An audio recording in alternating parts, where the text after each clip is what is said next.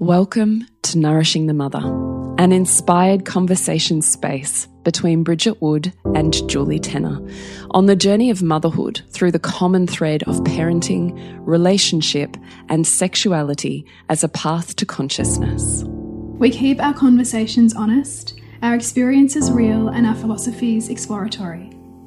We believe that in order to raise incredible humans, we first have to raise ourselves. We know that in order to rock the family, you've got to nourish the mother. If you are here, you care about paving a path of conscious and intentional motherhood, connected with yourself and your gifts, and also illuminating your children in theirs so we may raise more whole humans who can impact this world in a more humane way. If you desire to integrate your learnings practically and supportively, head on over to bridgetwood.life or julietenner.love to go deeper. And for all live streamed, pre release podcasts and all our free content, head over to our free Facebook group, Nourishing the Mother with Bridget Wood and Julie Tenner. We are Julie Tenner and Bridget Wood, and we are so grateful you're here. Hello, and welcome to Nourishing the Mother. I'm Bridget Wood. And I'm Julie Tenner. And today's podcast is Behind the Picket Fence with Julie and Nick. Hi, Nick. Welcome, Nick. Hi, Bridget. How are you? I'm really excited to have Nick back on the podcast, I've got to say. yeah. So this is like a fantastic new thing in terms of just throwing it out there and having a go and Bridget interviewing us because what Bridget and I want to truly get across to anybody who ends up following us or listening to the podcast is that we truly are living what we preach. What you see on social media is the truth of who we are. You saw us down the street, it would be the same thing. You saw us in the homes with our kids, it would be the same thing. That there isn't this disparity between who we are on social media and who we are as a lived human. So I recognize the importance and the value of going behind the white picket fence with couples and actually getting to see there is no such thing as a picket fence and everybody's dealing with their own stuff. And, you know, I, the invitation here was just, Bridget and I don't exactly have a plan on how this is going to roll.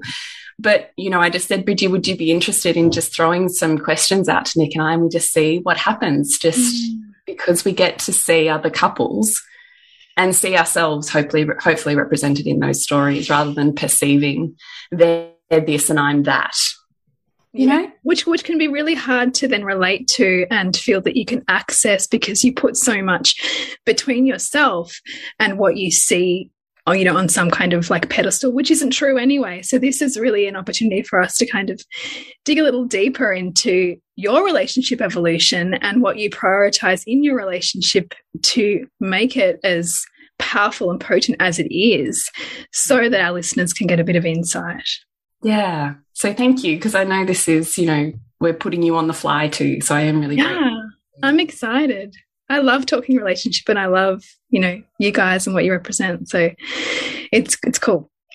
So I'm going to put it to I, I think we need to start with valuing your relationship and centering your relationship as a key focal point as parents of four children. I mean, yeah. that is something that I think we need to kick it off with because for many, many families, the relationship can come second to the children or to the extracurriculars or to the jobs.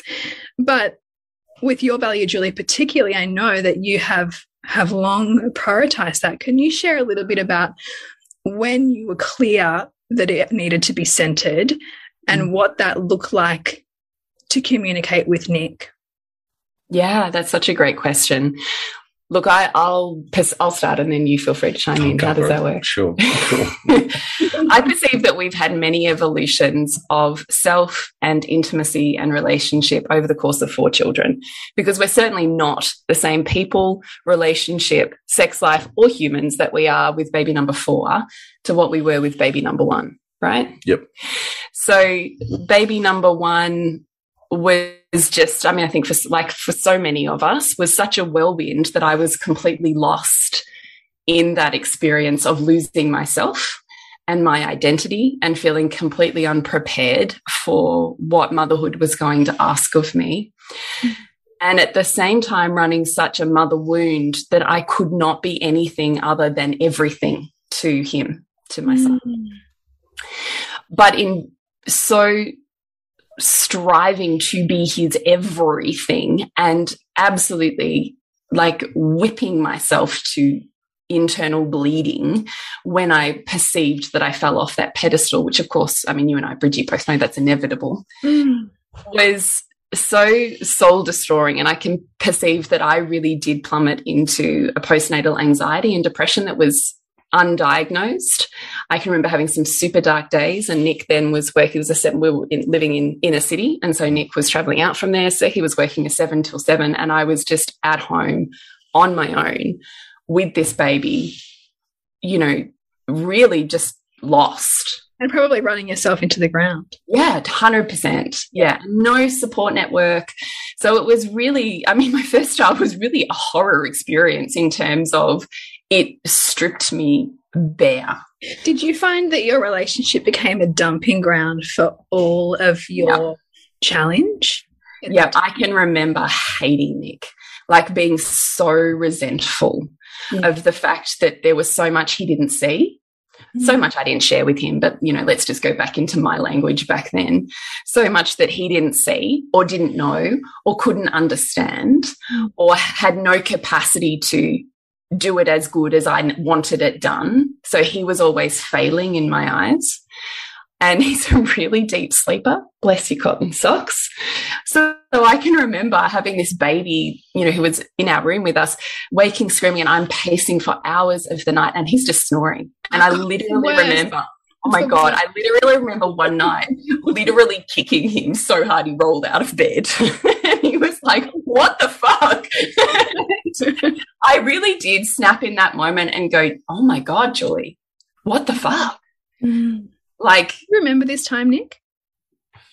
Um, yeah, I do. I think I've, I've still got a, a mark on my back, I think.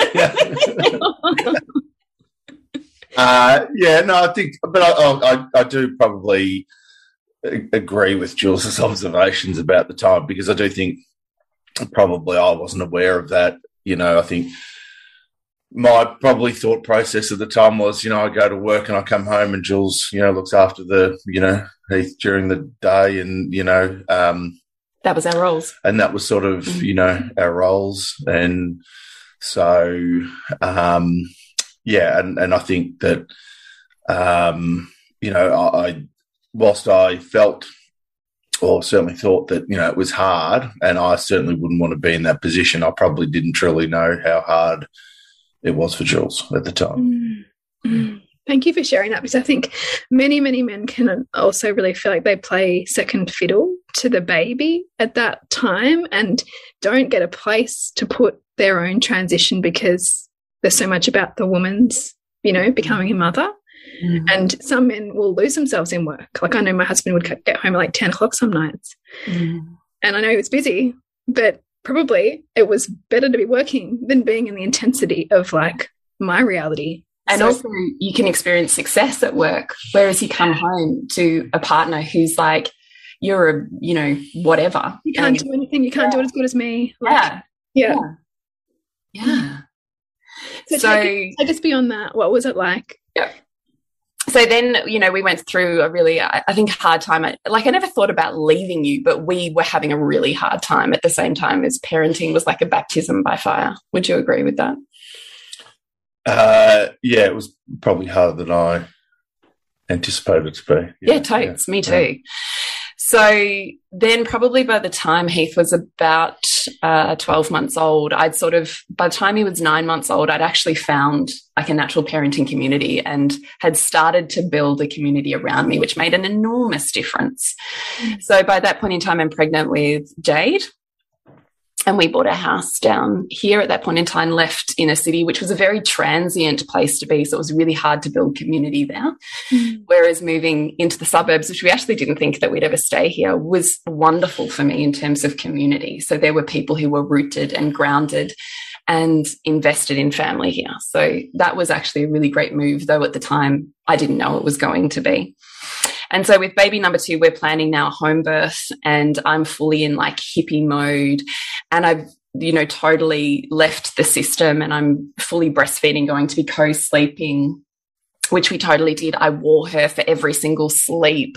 Like she was on my body 23 out of 24 hours, just about, you know. But I had such a glorious birth and postnatal experience with her without the exhaustion and the pain and the suffering that I had had with my first, that I became more available as a partner. Mm. So, despite the fact that I had a child on me for 23 hours of the day, I had more to give Nick. Because you were more embodied in your own experience and and less exhausted. Yeah. yeah, I was actually less exhausted and was more in love with my life and mm. felt on purpose with what I was doing in raising these children. Whereas I think with Heath, I was really lost in what my purpose was. Mm. And if you're fumbling around feeling stripped bare and, and what you're doing doesn't have purpose, how hard is that to stay in? So by the time I got to number two, I was so devoted to parenthood and found everything that I wanted out of it personal growth, development in communication. I had done, you know, then on the natural parenting pathway, did all of the parenting courses, which of course you can't help but then feed into your relationship, right? Mm. So what I'm learning about aware parenting is feeding into our relationship. What I'm learning about nonviolent communication is feeding into our relationship. Mm. So, and because my body had felt so good after that birth, I can remember being completely open to wanting and willingly wanting to have sex like two weeks after she was born because I felt so good good. Like I just felt good. My hormones were good. My body felt good. Yeah, you know, I've got stretch marks and boobs that do weird things, all things, but I actually had a level of vitality in my body mm-hmm. that I didn't have with baby number one. So I still know that I gave more to parenting and less to my own self care than I would choose to do now. But I definitely started to re navigate towards this is hard. We started counseling, I think, with her, didn't we? Yes, I think we did. Yeah. Or, uh, or a bit after, but yeah. yeah.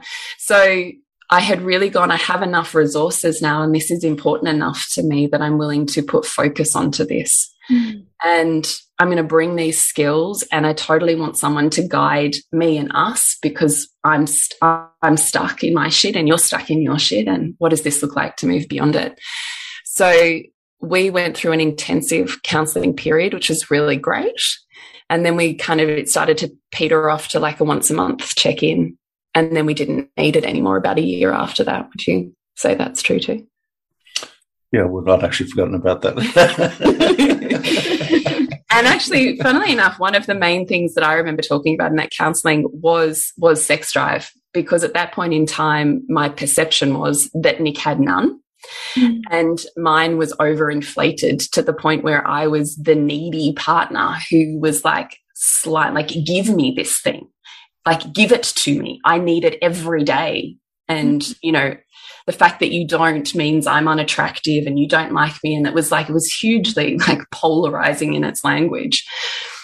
And now I look at me, I didn't, we didn't actually get the advice that I would now give myself. But back then, I can now see myself in so many of the partners that I work with and go,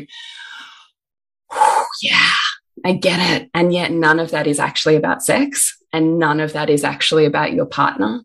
Mm. It's just like a drug and I didn't want to be with the feelings that are inside of me. So it was easy to go, I need this thing so I don't have to feel these things. As like a release. Yeah. Yeah. Yeah. And I get to do this thing as opposed to feeling this thing.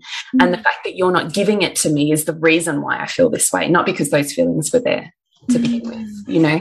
So I can see so much of that evolution of neediness in myself. And I think it's my own healing of my neediness that as I've healed that and um, rehealed my connection to my own body and um, beauty and certainly sexual story, the more alive our sex life has become. Would you say that's different? Uh, yeah, no, no, I'd, I'd agree with that. Um, yeah, I, I, think that there's been a big shift, you know, in the last five years or, yeah, for sure. Did did your perception, Nick, of Julie shift when she was less needy? Like, was there something? Yeah, because the way that neediness manifests is it can become like almost repulsive. Like, the Mm. more that someone needs you, the more you're like, get away from me, right? And so, as she began to take ownership of her neediness as something for herself to work through, did that shift how you met her? Uh, look, I mean, I, I don't remember. I wouldn't have necessarily put it in the in this case. Uh, look, Julie's much better remembering this stuff than I am. I'm sorry, I put you on. No, but I think, um, yeah. Well, I don't look at it as, uh, I suppose, um, neediness, but I think I, I, I just over, I suppose, time that we've, um, and I, and I guess whether these were things we're going to talk about, but evolved as far as um, our communication and you know, like I've, I've obviously, you know, Jules has got me listening to some books and and attending some courses and things like that. So you know, slowly I'm evolving a little bit, but I think that you know from that I have a far greater understanding now, and probably within the last you know couple of years more so of, um, I, I guess what what she needs, um, you know, to make herself feel good, and I think one of the, going back to the question, I know that this the, the answers normally go this long on this. Well, yes, and I usually deviate. Uh, you know, I was thinking about the question, forgot the question, but I was going to say that. Um, now I forgot what I was going to say, but um, I think, um, uh, yeah, I think I have a far greater understanding about, um, you know, certainly um, what what Jules desires, needs, and how I can provide that for her. Mm. Beautiful. Whereas probably, you know, when Heath and Jade were born, born certainly did not. Didn't know what I needed. Yeah, yeah, yeah. Mm. Do you think that you possessed the skill set then that you do now? Um, I think, uh, well, I think yes. Uh, was there a an acceptance to? Because I think at the end of the day, it's probably you know, and I know this is probably something that's you know driven you mad over the years is that my reluctance to to necessarily learn to change and and that you know and and so I think I yes I have that you know reluctance there and so um, was the skill set there to change yes but it was probably held back by a reluctance of you know talking about this or exploring these things a little bit more and I don't know whether it's old age maturity whatnot I'm probably more accepting of it now or I'm you know I, I see the greater the greater good and the, the I guess the the the better reasons to do it. What is that reluctance? What would you say that is? Um, I've never heard you describe it that way. I just thought Yeah. it genuinely you weren't interested. um, look, I'm probably not as interested as reading other things and looking up, but I, I think that you know, um, oh, I I guess it's um, more. Uh, I see that uh, the need to evolve our relationship is important. Why? Uh, so that I'm happy, you're happy, we have a great relationship, we have fun, we have, you know, um, so it continues to grow and get better because I think it has. Yeah, it has. What Have do you think you- would happen? Asking the question. Yeah, I know. Who's asking? Not me. Stop it, Julie. um, um, you- you're asking the same ones I was going to ask, but was I wonder if for, for you, Nick, there's obviously a point where you're realizing, oh, this investment is paying dividends for me and for us. Mm. There's a, probably been, I don't know, you don't have to identify it, but at some point there's been feedback for you that said, oh, like me orienting toward the relationship now. There's always been feedback. It's always been feedback. Feedback's a gift, isn't it? Um, Feedback is a gift, um, isn't it? Sometimes it's- so- sometimes it feels like a slap in the face, but yes, ultimately. look, um, the, there's the, the feedback's been pretty consistent. Um, Delivered with love, I'm sure. you invited me on. This is my chance to speak. Gold. um, no, I actually really No, love it. I- I think it's endearing. no, I think that, that um, yeah, whether I, we go, I go back to the reluctance or not, I mean, I think over time, sometimes it's probably taken um, several, um, I guess, hard conversations for it to to mm. sink in. Sometimes I think, you know, like I, I, I think I've always been a pretty good listener. Um, but you know, I think also uh, uh, for me, probably get stuck on you know some of the some of the, the, the, points that are probably made, and I'm probably stuck on things that Jules actually isn't talking to me about either. So, but for me, uh, that's where I'm stuck.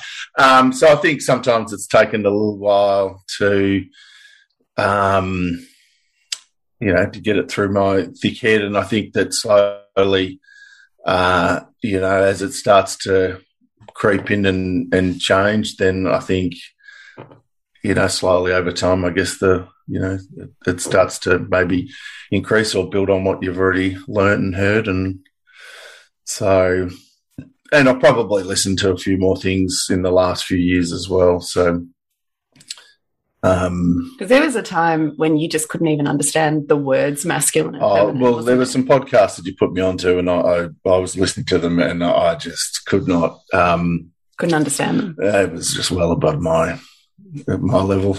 So, um, yeah, so I did listen to the, I don't know, it was like four hours, but it was, um, you know, just was over. Oh, look, there was a little bits and pieces, but I was still, I was trying to work out what they were talking about. but you have the grace to still listen to. to... Well, I thought I'm going to listen to this stuff. And there's got to be something. I mean, I'm, I'm always the opinion that, like, you know, even if it's a, um, any of these things, it, you might be there for three hours, but you generally come away with one or two things, and that's you know, so there could be one or two bits of gold in there somewhere. I was panning pretty hard for the gold, I think, but um, but yeah, I mean, I think that uh, over time, and I suppose it's probably got a little bit better, and and I, and and I think that um, you know, as our as my understanding of probably um, uh, masc and fem, as you Masc and fem, yeah. We, so we've talked about but... yes, switching language from masculine and feminine to masc and fem. But even I will say that even that is flawed because obviously, as you and I, Bridgie, both know that it's very gendered based language. And whilst I, I mean, Nick and I have talked about this. Was I identify as queer and polyamorous, I'm very comfortable in identifying as masc and identifying as fem. But Nick is less comfortable identifying as femme. It's not really something that aligns for him. Hmm. So we've looked at what are the words that do then that describe and help you identify just this aspect of self. Hmm. So usually the language that Nick and I use is giving and receiving when you're feeling like giving and when you're feeling like receiving. Would you say that's been easier for you? Yes. Or talking and listening, one or the other?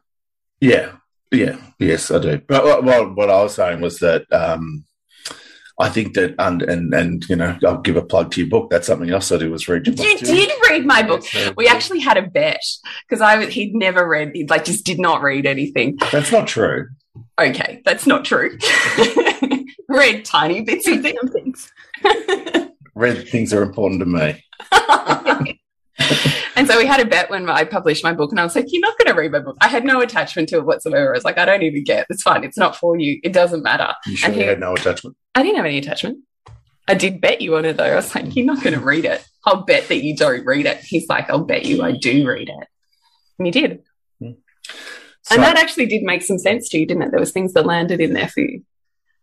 Yeah, well, that's uh, is that I guess that over is just the understanding the difference um, between the two, I think that was a good a good thing for me to learn, um, and I think that that has you know made a big difference to our relationship. Yeah. Has that opened you more to the practices, like removing the gender construct around it? Uh, yeah, I think so. I think yeah. I, I mean, I think that. Um, you know, um, I mean, Jules and I will talk about this today, but I suppose the whole, you know, um, I guess I wanted to, uh, you know, um, you know, love Jules and wanted to um, do the right thing and get it right.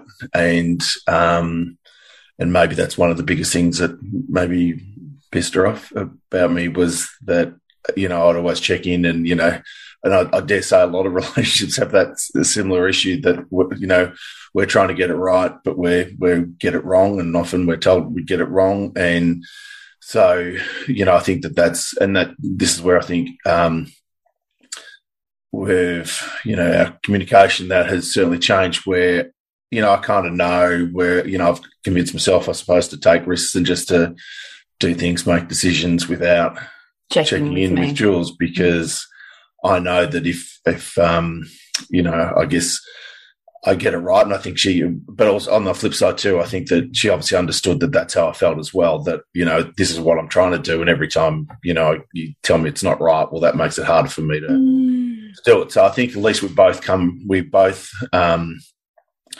understand where, where it's coming from. So, you know, for me, I suppose it's sort of knowing what she wants and her understanding the reasons why, you know, I've probably done that in the past.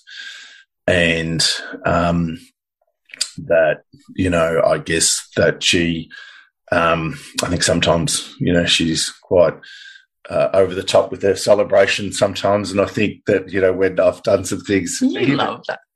I'm just uh, you you play on it, and that's great. I'm, but you know, it certainly plays up on it. So you know, he's talking about fem amplification and he does actually love it. If I'm going to reward you for something, I'm going to be like, oh my God, it's amazing. And then we get through the was density. It, was, there a was there a negative tone in the what I just said? I don't know. I'm just clearing it up for our listeners.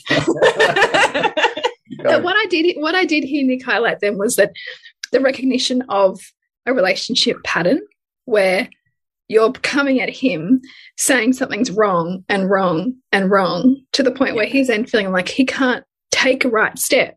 So he's just mm-hmm. asking you all the time, which you're getting yeah. pissed off about. And it's, yeah. you know, because I don't want to make the decisions. You want to be led. No, yeah. And I want to be led. exactly. Exactly. Yeah. Mm. So really coming to that, which is what we spend, you know, which is what my book is about and which is what Queen School is about, is coming from the place of deeply understanding a deeply masc partner's desire to provide. Mm. But that's coming from a place of love which was what I really had to. That's I, for me, what I hear in Nick's words is when he goes for Jules to understand that I, I, I want to meet her. I want yes. to give her what she wants. I want her to have what she wants. I'm just trying to navigate how to do that. And especially as our relationship, communication, and sexuality has opened, deepened, widened. And each time you do that leap, you're in uncharted waters. So what used to work no longer does. And yet you don't know what is going to. And so it's this weird space to play in each time, isn't it? Yeah, it is. So me really deeply understanding that I truly do get to have everything I want and that my turn on desire, me feeling fulfilled is what fulfills Nick as opposed to me running this skewed concept of what I think he's thinking. Mm. So, really, really, really, truly in my heart and body, feeling how deeply this man wants to give me what I want. So, all that's in the way of that is just working out what it's not and working out what it is and being with whatever comes up in the process of that, which mm-hmm. sometimes, and especially for me, and we've certainly been on many each time we up level, oh, hello, sexual trauma again. And back we go, you know, sometimes it's like five steps forward and then three steps back and then off we go again. So I do just deeply understand that there is such a desire. And from every man that I've ever worked with, deeply want to we say do the right thing and we can put labels on that around well that's socialization and the education system and you know the little boy and all, we can put meaning onto it or we can look at it and feel into the intent that comes behind that, which mm. is I want you to have everything you want. Which which actually can be really hard for some women to feel because sometimes it's actually much safer to feel all of the reasons why he can't, like the conditioning, like, you know, all of that other stuff that you're talking about. It's safer to be there and saying that he can't than actually feel into, well, how could he? Yeah. And what would that mean for my identity and everything that I've built my own safety around to trust that. Yeah. It's some of the biggest work, right? Right. Which you're so great at because look at this journey, right? Yeah. This podcast is brought to you by Lovers School, redefining pleasure, passion, and polarity in relationship. This is four modules and four weeks of live support with me, with community coaching calls, downloadable workbooks, a private Facebook community, and four modules of content polarity, primal, passion, and potency, all about building the sexual chemistry, the communication that holds it, and the hot and satisfying sex that is what you want to be living. So you can find out more about joining me at Lovers School at julietenner.love, and you are more than welcome to bring your partner. Nick, I'd, I'd like I'd like to know um, how has it been for you meeting Julie in her sexual trauma and moving beyond it? Simple terms, it's been been okay. Um, how's it been? Well, uh, or what do you think I it's think it's- pivotal for what do you think it was it is pivotal for couples to know as they navigate that? Look, I think uh, for look, I'd say that the the thing that sometimes um, I, I- I struggle with a little bit is um, uh, sometimes it's the the need for or, or that I that I think that I express to Jules something that I like or love about her, or you know, um, and that the About my body or yeah, bad body, something like that, Mm. and that that um, it's almost like she's asking me to, you know, doesn't believe me or you know, asked re- repeat those sort of things. Like I, I say to you a lot, and you kind of quick question me because I wouldn't say it if I didn't, you know. So, but I guess on the on the flip side of that too, though, I think that. Um, you know, as you alluded to before, I mean, I think Jules um, is pretty open and and you know, so certainly she's spoken to me or talks to me a lot about it, or this may happen, or this is what you know I need, and this will help me. Um, and I think going back to, you know, yes, that I, I might have to re- repeat a, a, a um, um, a sentence or a sentence or 10 something 10 times over and I'll go and she say it again. It's like, you know, look, uh, maybe I internally roll my eyes a little bit, but I also understand that, um, you know, she's expressed to me that she needs this. And, and I know that, um, you know, it might feel a little funny at the time, but I, I also know that, that um, this is that it's helping her as much as it may feel a little bit awkward or weird for me repeating these things or something like that. But I think that I know that that's what she needs, and I know that um, I guess on the on the other side, then um, again, it's uh, rewarded with um, better connection and all, and and more love from her, I suppose. On the on the other side, once she's you know through that, and she and you know, I think she's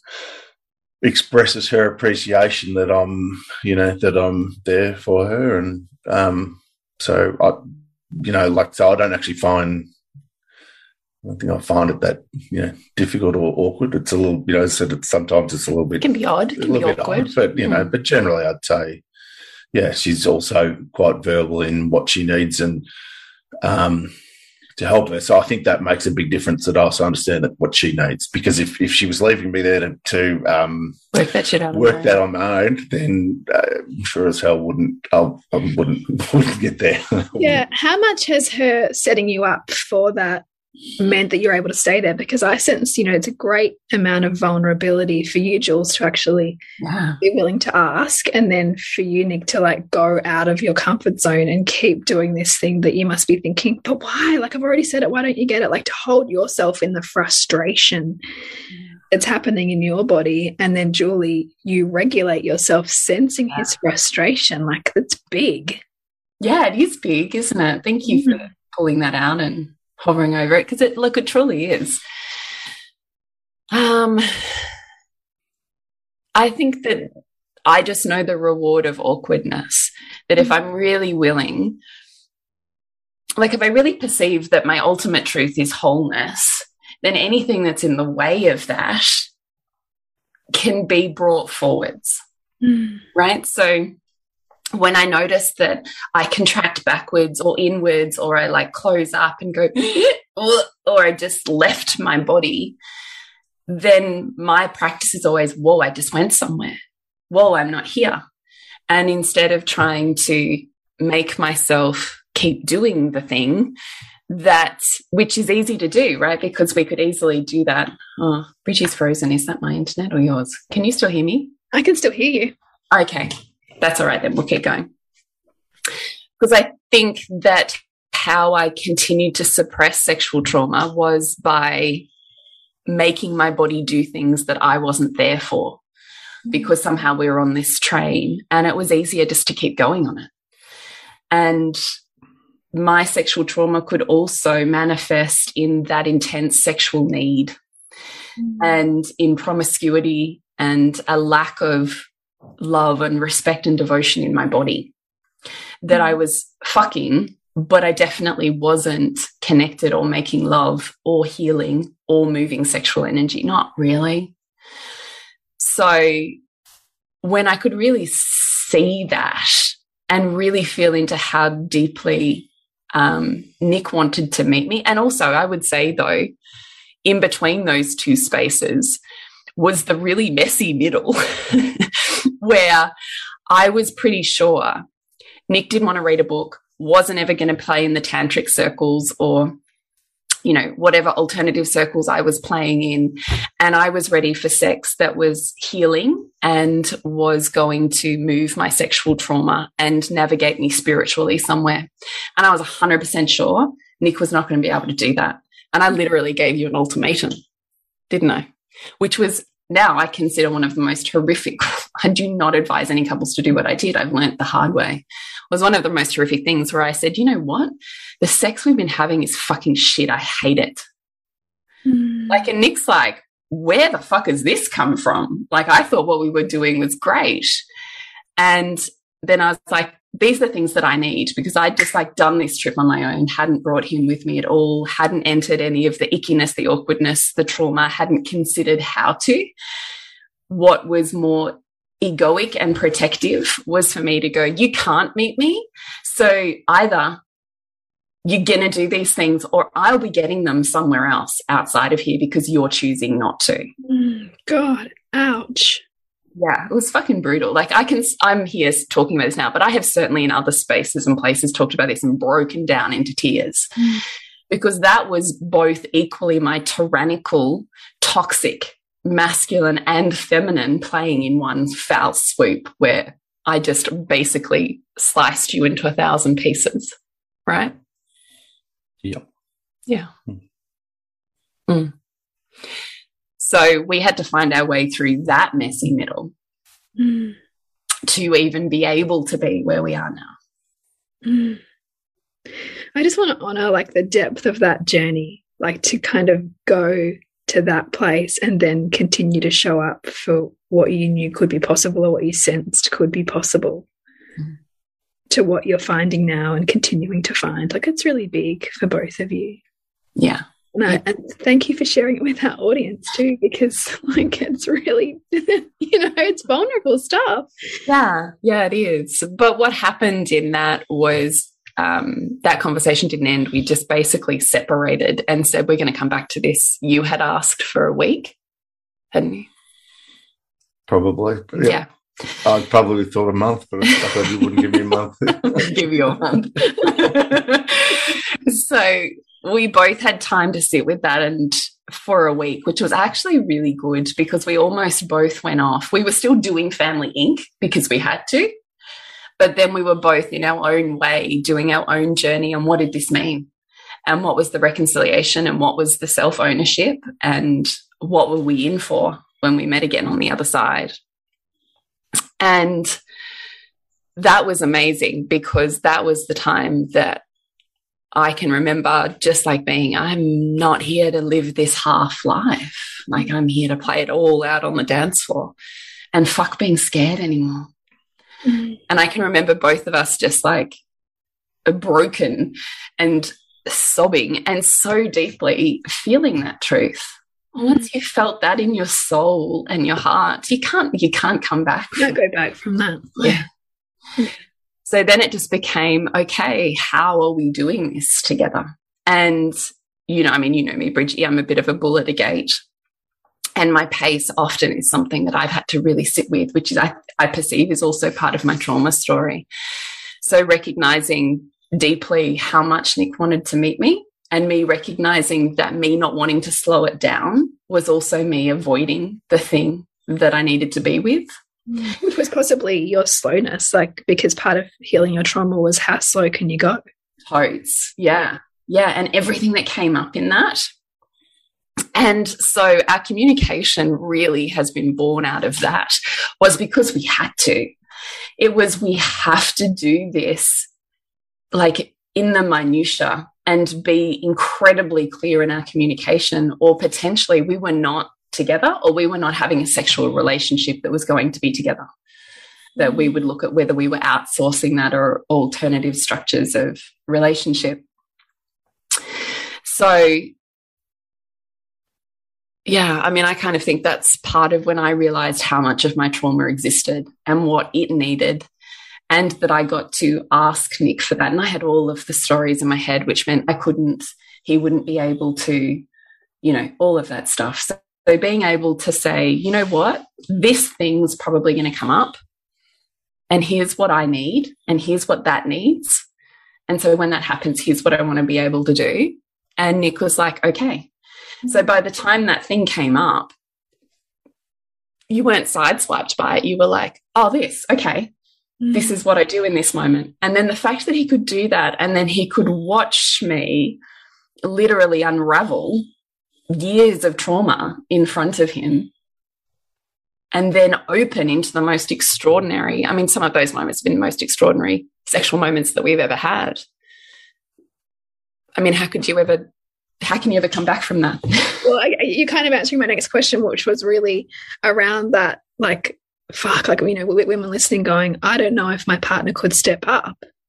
But here you're saying the power of some of that healing was so transformative that it committed you both to continuing to step up mm. because of the reward in that.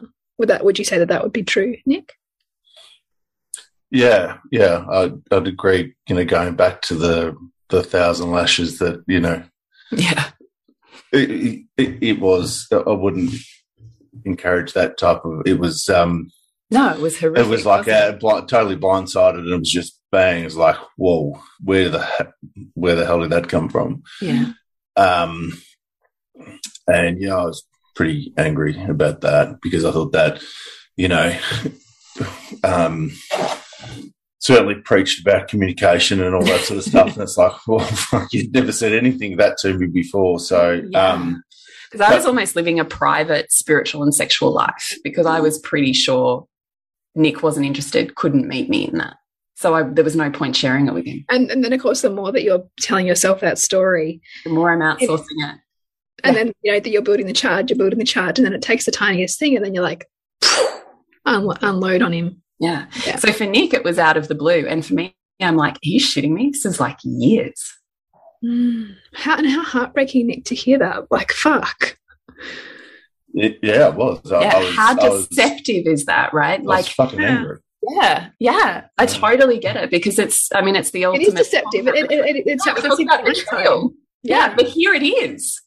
Me not sharing my transparency with him is betrayal. Mm. Yeah, I feel that. So did it take you? Did it take you a long time, Nick, to trust mm. Julie again, or to feel safe in your own vulnerability with her after her withholding that and then unleashing? Uh, I'm pretty forgiving, I think. um, now that you think about it again. yeah. Um, it was a pretty profound uh, healing we had on that one night, though. I don't think that I'd, no, I don't think that I'd, I'd necessarily lost trust. I mean, I, I, think that, you know, one thing that's, you know, another thing that's always annoyed Jules that we talked about, you know, coming back together a week later that, um, one of our bigger communication issues earlier on was we'd, we'd potentially have an argument and, um, you know, Jules just thought I'd start, wouldn't say anything stonewalling, and I'm sitting there trying to process the first couple of sentences of the argument, and she's moved on, and and and you know, so I guess we, we over time have come to an understanding that uh, you know at least I've got to say, I've got to come back to her with I, will come back to you in a you know 24 hours, 48 hours, or we've got different processes. I, I got to process this because mm. I'm you know um, still trying to work it out. So probably the reality was, yeah, it would have that that took me a while to, um, I guess, process that, and um, you know, I'm not saying that, um, you know, I think that the processing. Um, we talked about you know feedback being a gift. I think I, I take feedback pretty well, and I um, I think I analysed it fairly well, and I can see that yeah, okay, well these are the all these things that have you know that was said, you know, and I can look back and go, okay, well I can instead of sitting there arguing, saying you know that's not me, that's not me. I think generally, you know, I can look and go, okay, I can see, I can see that that's me in that scenario, that situation, or I, I haven't met you there, and different things like that. And so I go, okay, you know, I think that that's, um, you know, maybe I do it sometimes, not enough, and or, or whatnot. But I, I, think that I, you know, it probably took me a while to take in a lot of that stuff, but also I think that I own it fairly well. Mm. That I can go, okay, all right. Well, I, I, do, you know, need to be better at those those things. So, um, I just want to say that's your beautiful masc, though, right? Is that capacity that's like, whoa, that was really intense feedback. That's a really big challenge. I'm going to reflect on it, put the pieces of the puzzle together, and then go, I'm ready to rise. I can do better. I can see how I can do better, be better, know more, show up better. Like that's, that's, that's the result of a beautiful masc. And I would say, of an incredible elite sporting background is that capacity to be deeply challenged, to receive less than flattering feedback, and to go, I'm going to let it make me better. Mm, as opposed to collapsing and making you wrong. Yeah. Yeah because it has made him a better lover, right? Yeah, yeah, definitely. Yeah. Definitely. So it wasn't like my thousand lashings was without legs. Yes, that it actually had purpose in the end, but it's just that you've now learned the delivery of it, which way. Yeah, yeah, a better way to communicate that. Horrendous, horrendous.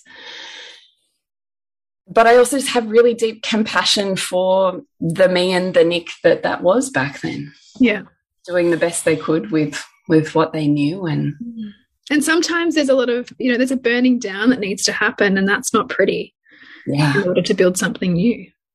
Yeah. Mm. yeah and it was definitely a pivotal change in how we were having sex wasn't it? I think so. Mm.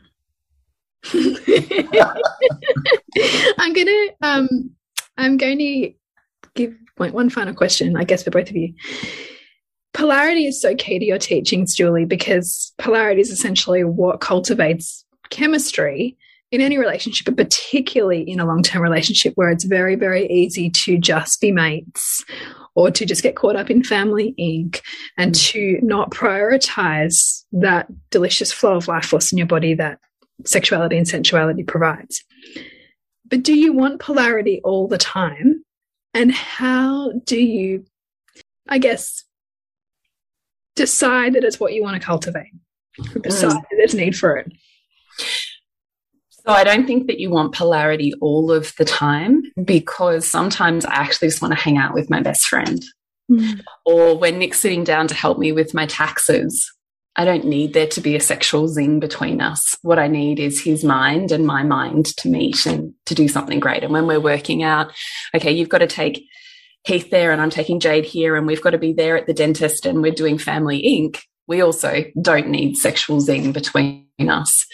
But what we don't want to do is get so far into the zero polarity friend zone or, you know, directors of Family Inc. zone that we don't have a capacity to have a baseline simmer. I think you need a baseline simmer. So you're not starting a car from, you know, stone cold you need a baseline simmer and the skill set to be able to peak each other when you're wanting to reconnect. And, and your sexuality in your relationship is no different to a garden.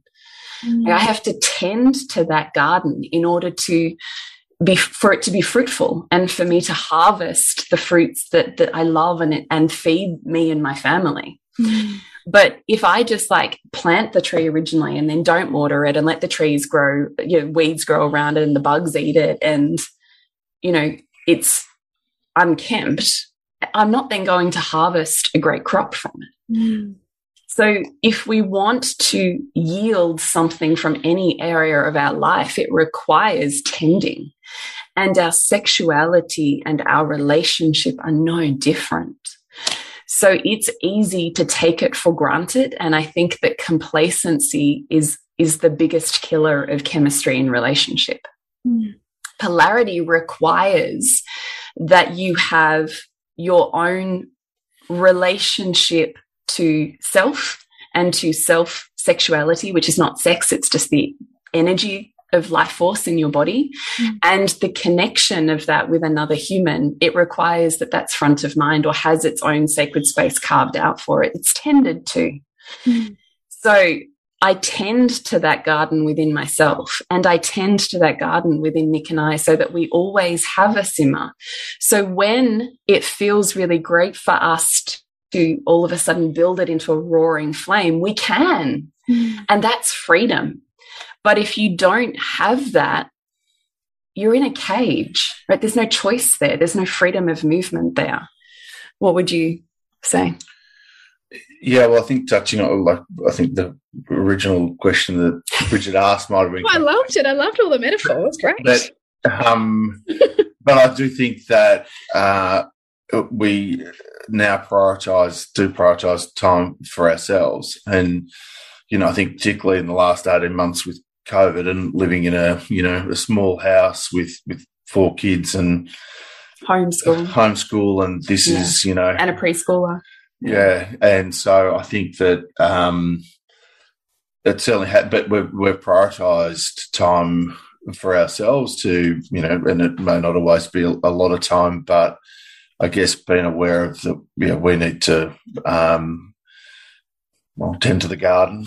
Um, so yeah, I think that's, um, has been an important thing for us. But yeah, and, and I guess, you know, the things that Jules was touching on before that, um, you know, we we we're busy, and um, you know, we're we're you know, I know, um, you know, I, I have a one one um, focus on my mind work. That's what I'm thinking about, and I you know struggle with thinking about other things. So, um, but I but um, but I know that I also need to um, uh, I, I, guess probably earlier on that that was my focus and wouldn't think too much. Was I was doing work or I was doing parenting? Yeah, um, doing... and so I think now I have a far greater understanding that um, I guess about the polarity and and um, uh, as you know keeping the, the, the simmering of a relationship simmering and things like that, but being able to focus on you know things during the day, but you know it is okay to um, you know switch off for five minutes or you know focus on on Jules or whether it's a exchange in the hallway or you know something. But uh, I guess uh, acknowledge or recognize her you know during I the day. uh, yeah, so, yeah yeah yeah I see her choose you sort of thing. So mm. those sort of things um you know a few things here and there add up to bigger things yeah Beautiful. Oh, thank you both so much. And thank you, Nick, for being courageous enough to come on the podcast again. Oh, it's another six years. it's not comfort zone. I thought that wasn't that bad, was it? um, no, it was it was it was a lovely experience. And you've got the expert interviewer, Bridget. Well, I know. Thank you, Bridget. Very, you're really very gentle on me. Thank yeah. you. I was. I was. so coming up very soon. Alice yes. I have Lovers School. A lot more about this stuff. Yeah, exactly. So, Lover School is a four week relationship container that is focused on polarity. So, really understanding what the masc and the fem interplay is within yourself and within your relationship, working out what's in the way of that in communication. So, there's four modules polarity, which is obviously creating polarity and reorienting to embodiment, moving away from um, performance. Primal, which is building sexual chemistry and discovering what you want safety for opening deeper than you ever have before. Passion, which is intensifying sexual sizzle in your day to day and building strong communication. And potency, which is creating hot sex and satisfying foreplay. So it's really the culmination of what I've come to learn over the course of, I mean, obviously, I grew up with a different upbringing that I was brought up by a tantric yogi father. So the way that it sits in my body is very different. And then you add on to that that I had childhood sexual abuse and that, continued in various forms in my teens and early 20s.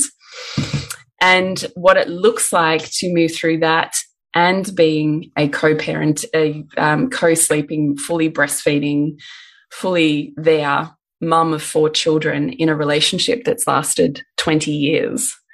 What that looks like to be able to do these things and create a super satisfying sex life and intimacy and connection in a way that honestly, you had told me 10 years ago that Nick and I could have the fully satisfying sex life that me, as the queer, polyamorous, tantric woman wanted, I would have said, no way.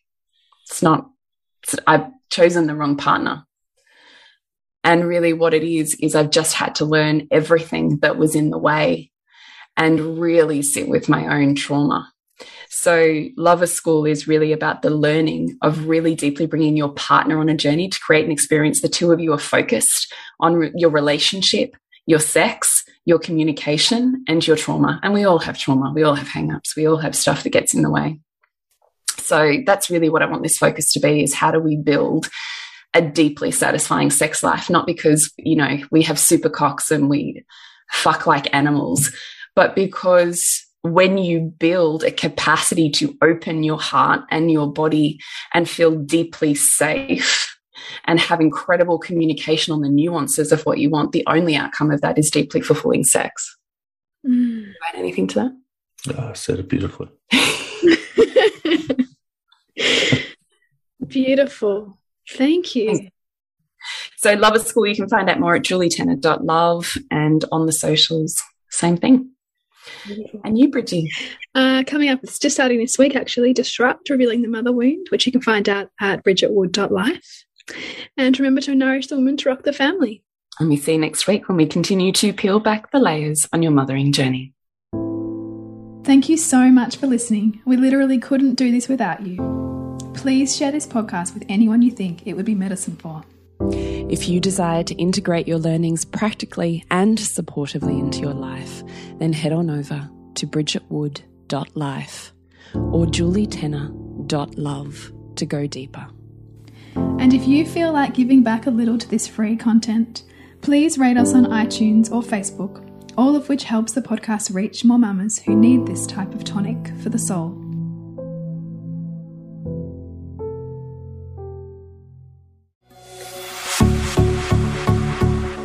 This has been a production of TheWellnessCouch.com. Check us out on Facebook and join in the conversation on Facebook.com forward slash The Wellness Couch. Subscribe to each show on iTunes and check us out on Twitter. The Wellness Couch, streaming wellness into your lives. Whilst the Wellness Couch presenter endeavor to provide accurate and helpful information to their listeners, these podcasts cannot take into account individual circumstances and are not intended to be a substitute for health and medical advice from a qualified health professional. You should always seek the advice of a qualified health professional before acting on any of the information provided by any of the Wellness Couch podcasts.